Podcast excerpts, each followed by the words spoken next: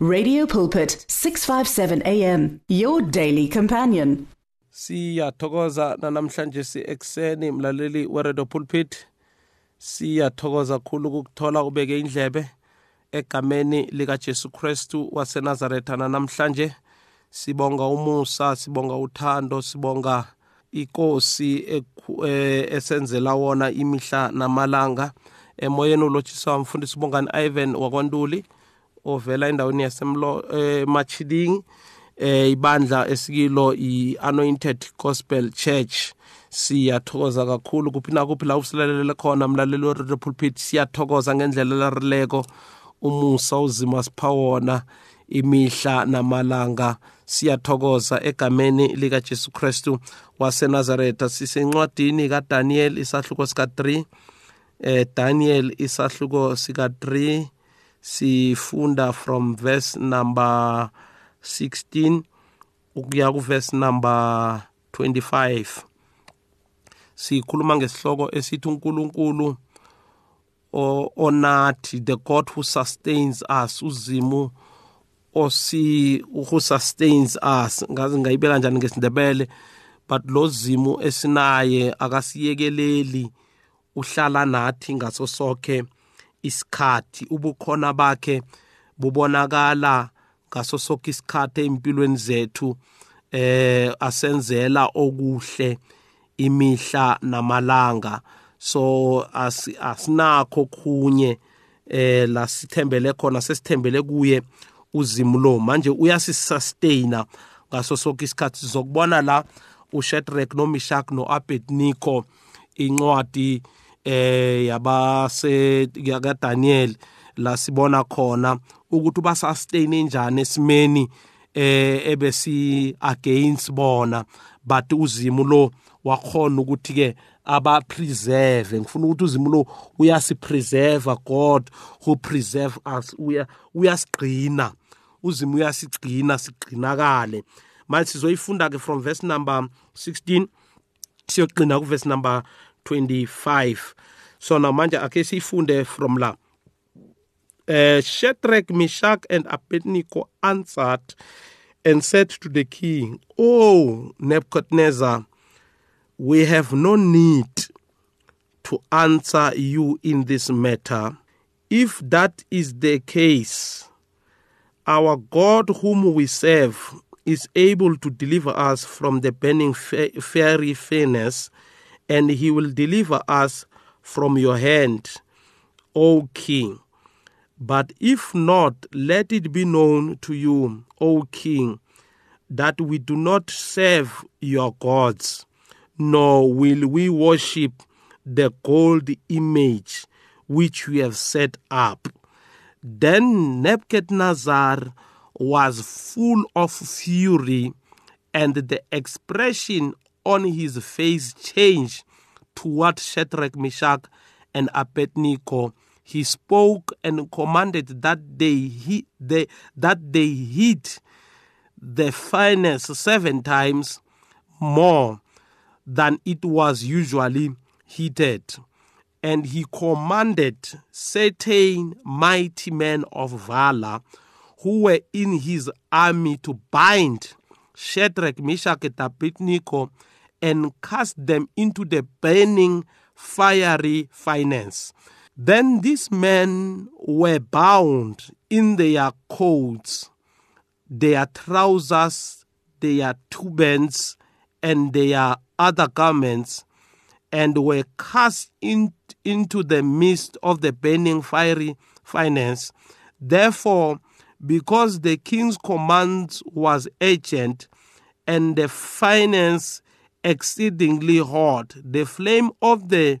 fire killed those men who took up Shadrach, Meshach, and Abednego. And these three men, Shadrach, Meshach, and Abednego, fell down into the midst of the burning fiery finance. Then the king Nebuchadnezzar was astonished and he rose in haste and spoke, saying to his counselors, Did we not cast three men bound in the midst of the fire? They answered and said to the king, True, O king. Look, he answered, I see four men loose walking in the midst of the fire, and they are not hurt and the form of the fort is like the son of god mlaleli oriri pulpit nasi indaba emnandi ngendlela eradileko indaba yabo Shadrach noMeshach noAbednego siyakhumbula ukuthi siyasazi isitori lesi bazalwane from kuverse number 1 ukuthi uDaniel uShadrach noMeshach noAbednego bebabangani bakaDaniel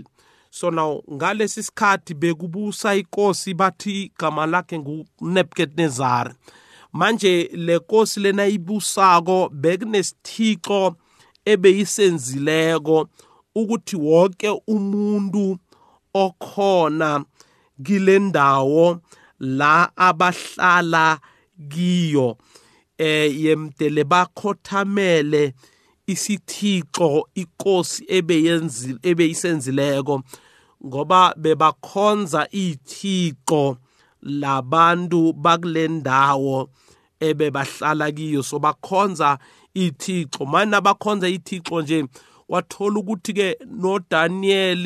noShadrach noMeshach noAbednego bebantu bebakhona kuleyo ndawo ngaleso sikhathi so now manje nabalapho now iyababamba lento kuyemtele eh, bayenze nabo baguqele lesithombe kanibona originally abantu abangakhonzi ithixo bakhonza uzimu ophilako so nakwaba nesimemezelo esenziwako ukuthi yemtele soboke abantwaba ukuthi bahone ukuthi yemtele ba, ba, bagucele leso sithombe ukuthi yemtele kunenebhorompito elilako nayililako la boke abantu yemtele baguqele leso sithombe kunezimo ezifikako empilweni mlaleli nanoma zingekhe sifane nalesimo sabo Shadrach noMeshach noAbednego but kunezimo ezifuna ukuthi yemtele sigobele umthetho thizeni sigobele indonyana ezinye ethola ukuthi azikhambi na asikhambisani nazo ngokuya kokukholwa kwethu kungabi ukuthi siyoguqa literal but kunezinto ezifuna ukuthi emtelo ethola ukuthi ke eh, zikwenza ukuthi ungakhambisi zikwenze ukuthi ungenzi lento e, e, wenze into engakhambiselani nokukholwa kwakho sona manje la uShadrach noMeshach noAbednego lithi iBhayibheli eh bebakhona ngaleso sikhathi kwamenyezelwa ke ukuthi yemdele baguqe manje ke eh kwafika lapha sebakhuluma lapha ke uShadrach noMeshach noAbednego bathi hey Nkosi thina uh we need not to answer you in this matter seyikhona indaba leseyenzakala but eh, asikwazi ukuziphendulela thina siyakuhlonipha khulu nkosi asikakwazi uziphendulela eh kulento oyichoko eh njengoba nibona ukuthi asiguca siguqi ngoba asiguqi ngoba sikuhlonipha siguqi ngoba angeke sikhona ukugucela omunye uzimu ngaphandle kozimu ofana uzimu lothini esimkhonzako kufuneka abazalwane besibindi esikhathini esiphilakiso abantu abazothi umhlaba wonke uyale ebese abantu bajame babe nesibindi bathe ethina eh, eh, sisodwa ukuthi usithusela ngani asinandaba mara into esikholelwa kiyo ngile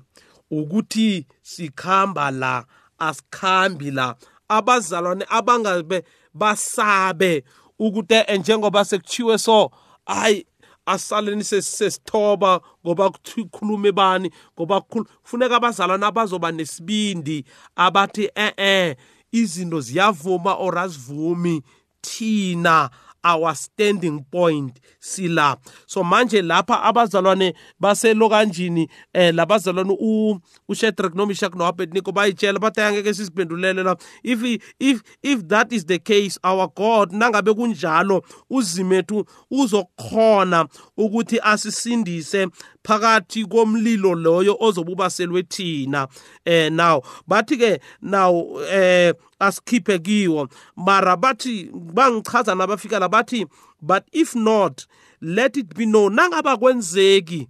ukuthi uzimetho ngoba kuyenzeka ukuthi angasikhiphi kuleso simo nangaba kwenzeka kuyokusale kwazeka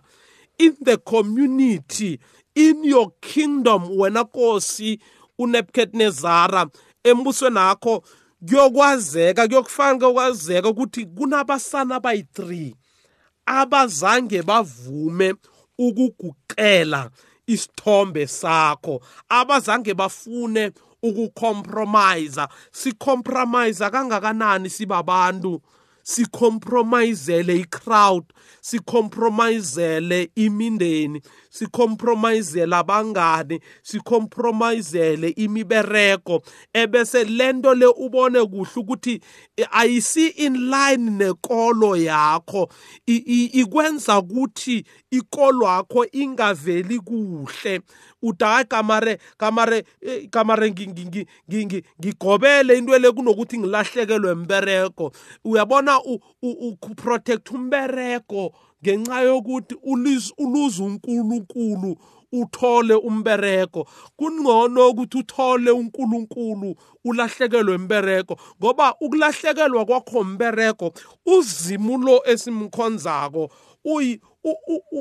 kuye konke kuyenzeka there's nothing impossible with our god nawulahlekelwa umbereko ngebanga lakhe yena uzokhona ukuthi akuthole lo munye umbereko ozokusutha lento wena okiyo manje thina abantu siyasaba kaningi sithi angiyokulahlekelwa yilokhu ngilahlekelwe lolo ngcono ngilahlekelwe nguzimu a-e ngcono ulahlekelwe zizinto kunokuthi ulahlekelwe kuze manje abantu aba uShadrack noMeshach noAbednego bathi ngamane sife sife maruzimu sife nozimu singafi singasabi wena zimu silahlekelwe nguzimu asilahlekelwe impilo yethu kungqono kunokuthi silahlekelwe kuzimo so nabathi nanoma eh angakafika sisave kulomulilo ozobe usibasele wona na kuyokusale kwazeka in the community ukuthi we refuse azange sisatshiswe nguwe sijamile to our standing point so now ikosi yakwata khulu nayizwa lokhu yethu umlilo lo abawuphinde ube seven times bawubasa waba 7 times vele nomlilo waba mkhulu ngendlela eraleko bowuchisa bababopha izandla nenyawo now lithi ibhayibheli babaphosela ngaphakathi komlilo now umlilo lo ngendlela ebewutshisa ngayo watshisa abantu abebebaphosela aboshedrek nomishak no-abedniko mara bona zange batshe ushedrek nomishak no-abedniko baphoselwa emlilweni omalangabi flames of fire bayaphoselwa abantu ababaphoselako bayatsha mara bona abantu abaphoselwako abatshi kunabantu abasiphosela ezintweni basitshela ukuthi siyoba yile nto abasiphosela kizo mara lezi zinto abasiphosela kizo zibambe bona zingabambi thina angazi uyangizwa mlaleli weredio pulpit izinto abantu abakuphosela kizo kunokuthi zibambe wena zibambe bona zingabambi wena wena uzima kupreserve ngikhuluma namhlanje ngokuthi uzima uyasisustain uzima uyasipreserve njengenyama eh, umqwebu ibiltong le na ukuze ihlale le ingaboli kunetswayi abalifakako nawu letswayi leli lipreserve inyama lokuthi ingaboli nanoma isikhathi isikhathi sakhona sokuthi iyabola ayiboli mara ngenxa yokuthi inetswayi la liyapreserve igrace naw uzimu lo uyasipreserva ngaso soke isikhathi naw cala ushedrek nomishak no-abednego baphoselwe ngaphakathi komlilo uyatshisa abantu abaphoselako bayatsha mara bona batshi khe wabona izinto ezibulala abantu wena zingakubulali bathi no sifuna ukuthi kufe yena kungafi wena indwezi bezibambe bona abantu ebebakuphosela god who preserve us uzimna sijama naye ujama nathi uzimna sijama ezwini lakhe naye ujama nathi he will preserve you kule sikhathi sikadisemba he will preserve you lapho izinto zirarana lapho kwenzakala ne-south africa yonke kuba namagulo abakhona kube nezinto abantu abantwana eh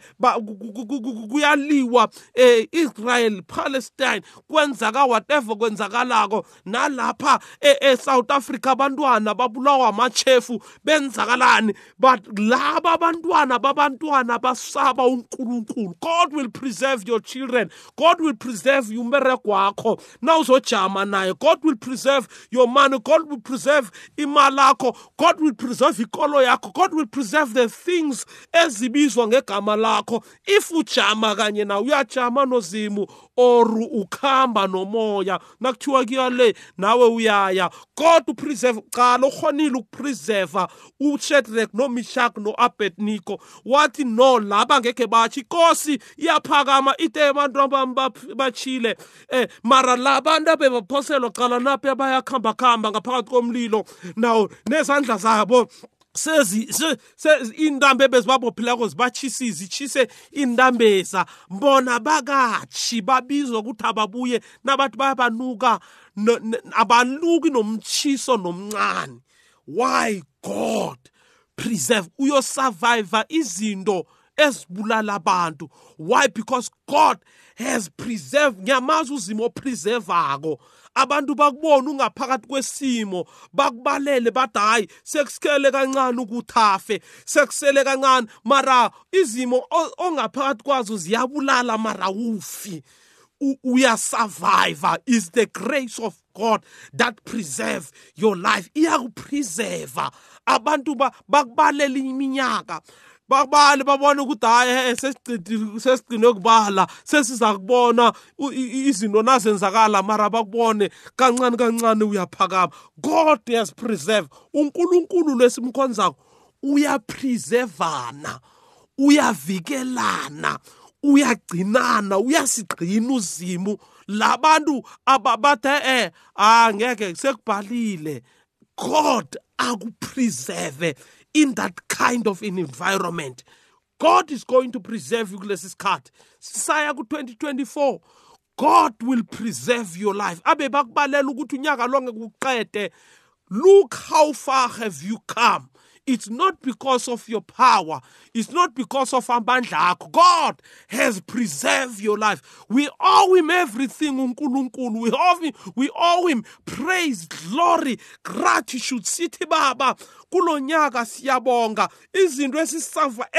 esizisurvivileko abanye baphelile endleleni but we have survived oh god we have been preserved by you god you, you have kept us to where we are today siphasile abanye bafeyilile abanye benzakalani nanoma sifeyilile but god you have preserved us nanoma ibereko iphelile sagula phakathi konyaka salahlekelwa abantu esibalahlekelako but god siyabonga ukuthi you have,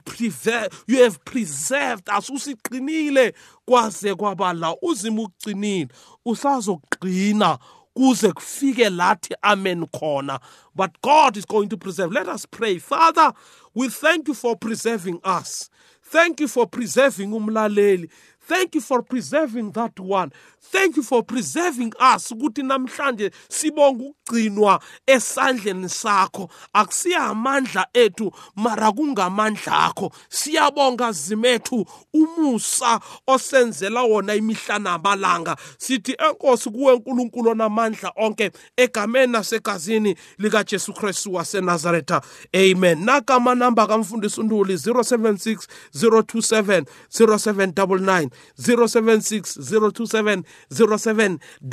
uyangithola lapho mlalelo rethu uNkulunkulu akubusise amen